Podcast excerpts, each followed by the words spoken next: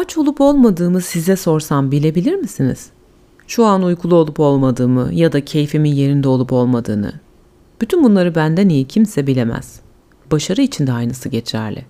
Başarı konusunda asıl karar verici ben değil de benim dışımda olan insanlarsa orada ciddi bir sorun var demektir.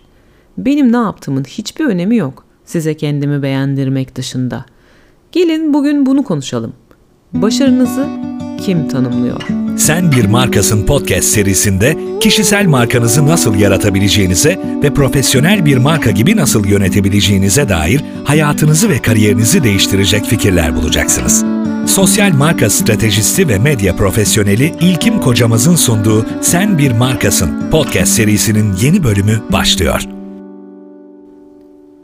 Hadi çocukluğumuza dönelim. Kaçımız anne ben doydum dediğimizde tamam canım benim afiyet olsun hadi kalkabilirsin cevabını aldık. Yok ya biz nereden bileceğiz doyup doymadığımızı. O yüzden de daha ne yedin ki kalkıyorsun olur mu canım o kadar şeyle nasıl doyarsın denerek o sofrada tok karnımızla yemeye mecbur kaldık. Ne oldu peki? Odağımız bizim dışımıza çıktı zamanla. Sıcakladığımızda bilmedik, acıktığımızda bilmedik, doyduğumuzda uykumuz gelmediğinde bizden daha iyi bilen insanların kararlarıyla hareket etmek durumundaydık. Çünkü küçüktük. Ama artık büyüdük. Ve hala birçok şeyi olduğu gibi başarıyı da başkalarının gözünden okuyoruz. Bozuk bir saati düşünün. O bile günde iki kez doğruyu gösteriyor değil mi? Başarı tanımını başkalarının insafına bırakan insanların yaşadığı biraz buna benziyor bence. Bir başarıyı elde ediyorsunuz ama nasıl elde ettiğinizi bilmiyorsunuz. Ben bunu nasıl başardım? Ne yaparak bunu hak ettim? Hiçbir fikrim yok. Çünkü ben başarımı dışarıda iyi giden koşullara ya da mistik inanışlarıma bağlıyorum. Hani evrenden istedim oldu gibi. Hadi şu senaryoyu canlandıralım. İş yerinizde siz ve bir arkadaşınız terfi için düşünülen iki adaysınız. Eğitimleriniz aynı, deneyimleriniz aşağı yukarı aynı, performanslarınız da birbirine yakın. Yani birçok açıdan eşit şansa sahip görünüyorsunuz. Ama bir nedenden dolayı onun değil de sizin terfi etmenize karar veriyorlar. Tebrikler. Peki bu başarınızı neye bağlıyorsunuz? Ben ondan daha istekli görünüyordum. Benim artık zamanım gelmişti. Bu yeni yöneticiyle benim aram çok daha iyiydi. Hangisi? Bu durum çok büyük bir stres yaratabilir üzerinizde. Çünkü neden terfi ettiğinizi kestiremiyorsunuz. Puanlamayı da siz yapmadınız. Başarılarınızı da hep başkalarının gözünden okumaya alışkınsınız. Başarı söz konusu olduğunda iki eğilimimiz var zaten. Bir, kader, kısmet, şans gibi olgulara, bizim dışımızda ceryan eden hadiselere başarıyı bağlamak. İki, başarımızın yalnızca bizim elde edebileceğimiz şeylerden kaynaklandığına inanmak ve tüm başarı hakkını, sorumluluğunu kendimizde görmek. Aslında ideali dengede olmak. Ama birinci madde yerine ikinci madde kesinlikle esas madde. Yani ilk gruptaysanız başarılarınızı sürdürmekte zorlanabilirsiniz. Motivasyonunuzu korumakta zorlanabilirsiniz. İkinci gruptaysanız kendinizi haddinden fazla zorlayabilirsiniz. Haddinden fazla sorumluluk yüklenmeye kalkışabilirsiniz. Gerçekten yaratıcı, üretken, sürdürülebilir bir başarı akışı için başarılarımızı kendi gözümüzden okumayı becerebilmemiz gerekir. Quora sitesine bakmayı çok seviyorum. İnsanların kendi aralarında sorularına yanıtlar bulduğu faydalı bir site. Bir çeşit forum gibi. Sizin için başarı nedir sorusuna gelen cevaplara baktım bu podcast'i kaydetmeden önce. Kimi cesaret demiş, kimi inanç, kimi kararlılık, kimi sevdiğin işi yapmak. Düşündüm sonra başarı bence sevdiğin işi yapmak için ya da sevdiğin işleri yapmak için ne kadar zaman harcadığından çok sevmediğin işleri yapmak için ne kadar az zaman harcadığınla ilgili. Çünkü bu gezegendeki zamanımız çok kısa. Önümde birden fazla seçenek varken normal koşullarda seçmeyeceğim bir hedefe giden bir yol bana sunulduğunda dönüp nedenlerime bakıyor muyum? Bu çok önemli. Kendi işini yapanların çok başına gelen bir durum bu. Stabil bir geliriniz olmadığı için etrafınızdan sizi yolunuzdan döndürmeye çalışan, aklınızı çelecek teklifler gelebiliyor. İnsanlar sizin iyiliğinizi düşündüklerini söyleyerek size Onun yerine bunu ne dersin diyerek bambaşka fikirler sunabiliyorlar. Bir örnekle açıklayayım. Ben stratejik danışmanlığın yanı sıra eğitim de veriyorum.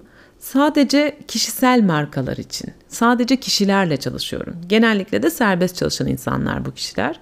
Elbette içeriklerinden dolayı grup eğitimleriyle birlikte kurumsal eğitim teklifleri de gelebiliyor bana. Bunda ne var diyeceksiniz?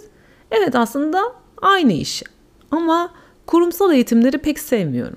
İnsanlar kendi seçmedikleri bir deneyime mecbur tutulduğunda, zorunlu olarak karşımda bulunduklarında onlara katkıda bulunamadığımı hissediyorum. Her hallerinden de belli oluyor. O birkaç saat beni dinlemiyorlar. Eğitim süresinin bitmesini bekliyorlar. Ne kadar onları eğitimin içine, sohbetin içine dahil etmeye çalışsam da o anda orada olmalarını sağlayamıyorum. Bu da benim motivasyonumu çok düşürüyor. Ama bazen hatır için bazen de reddedemeyeceğim bir bütçesi olduğu için böyle bir talebi kabul ettiğim zaman iç huzursuzluğum peşimi bırakmıyor. Günün her anı bu zorunluluğu hatırlıyorum. Belirlenen tarih gelene kadar hazırlamam gerekenleri bir türlü tamamlayamıyorum. Yani beni zihnen ve madden o kadar meşgul ediyor ki başka hiçbir yaratıcı işime zaman ayıramıyorum. Bu maliyet aslında asla geri alamayacağım bir kayıp benim için. Elbette kısa vadeli bazı çeldiricilere direnmek zor ama her an bir seçim yapıyoruz. Hiçbir şey yapmamak bile bir seçim aslında. İki seçenekten birine karar veriyoruz. Bir şey yapmak, bir şey yapmamak. O yüzden her an, her seçimde uzun vadeli hedeflerini ve neden yola çıktığını hatırlamak yolda kalmayı sağlıyor. Otomatik pilotta yaşadığımız günler birbirine benziyor. Telefon alarmını aynı elimizle susturup aynı şekilde kahvemizi içip aynı yollardan işimize gidiyoruz. Her gün hemen hemen aynı şeyleri düşünüyoruz ve yapıyoruz. Bir yandan da içten içe sihirli bir şekilde hayatımızda bir şeylerin değişmesini de arzu ediyoruz aslında. Bu biraz çelişkili gelmiyor mu size de? Farkındalık işte burada başlıyor. Bu döngüyü kırmak için önce yaşadığımız anların, yaptığımız seçimlerin, kendimize söylediğimiz sözlerin farkına vardığımızda başarmak istediğimiz niyete alan açıyoruz. Birkaç aydır kendime gün başlarken ve gün içinde her bir uğraşımda şu soruları soruyorum. Bugün hayatımı azaltmayı mı, çoğaltmayı mı seçiyorum? Bu aktivite beni olmak istediğim kişiye yaklaştırıyor mu, uzaklaştırıyor mu? Özellikle ilk soru beni derinden etkiliyor. Çünkü her günün, her anın bir önemi var. Verdiğimiz her kararın kendine göre bir anlamı ve sonucu var. Bence her kararımız gerçekten inandığımız değerleri, kullandığımız kelimelerden çok daha yüksek bir sesle anlatıyor dünyaya. Sabah bu soruyu zihnimden geçirdiğim zaman şevkle doluyorum. Hayatımızı azaltmayı mı, çoğaltmayı mı seçiyoruz acaba? Siz de bir düşünün, bir sorun kendinize. Bir şeyi yapmaya ya da yapmamaya karar verdiğimde olmak istediğim kişiye daha yakın mı, daha uzak mı olacağım? Her gün, her anlamda bir önceki halimden daha iyiye gitmek için bir şeyler yapmaya motive ediyor bu sorular beni. Hayatta yapmak istediklerimden beni uzaklaştıracak seçimlere vaktim yok. Çünkü yolculuğumun ortasındayım. Başka bir yol, başka bir yolculuk da yok. Sizler de kendi evrenlerinizde kendi seçimlerinizle bir yolculuk halindesiniz. O yüzden derim ki her adımı farkındalıkla atalım. Bu hayatın her anını farkındalıkla yaşayalım. Zihinsel, duygusal ve ruhsal markalaşma konusunda rehberlik alarak online dünyada yaratıcı özgüveni yüksek, başarılı bir kişisel marka olmak için ücretsiz e-kitaplarımı açıklamadaki linkten indirebilirsiniz. Görüşmek üzere.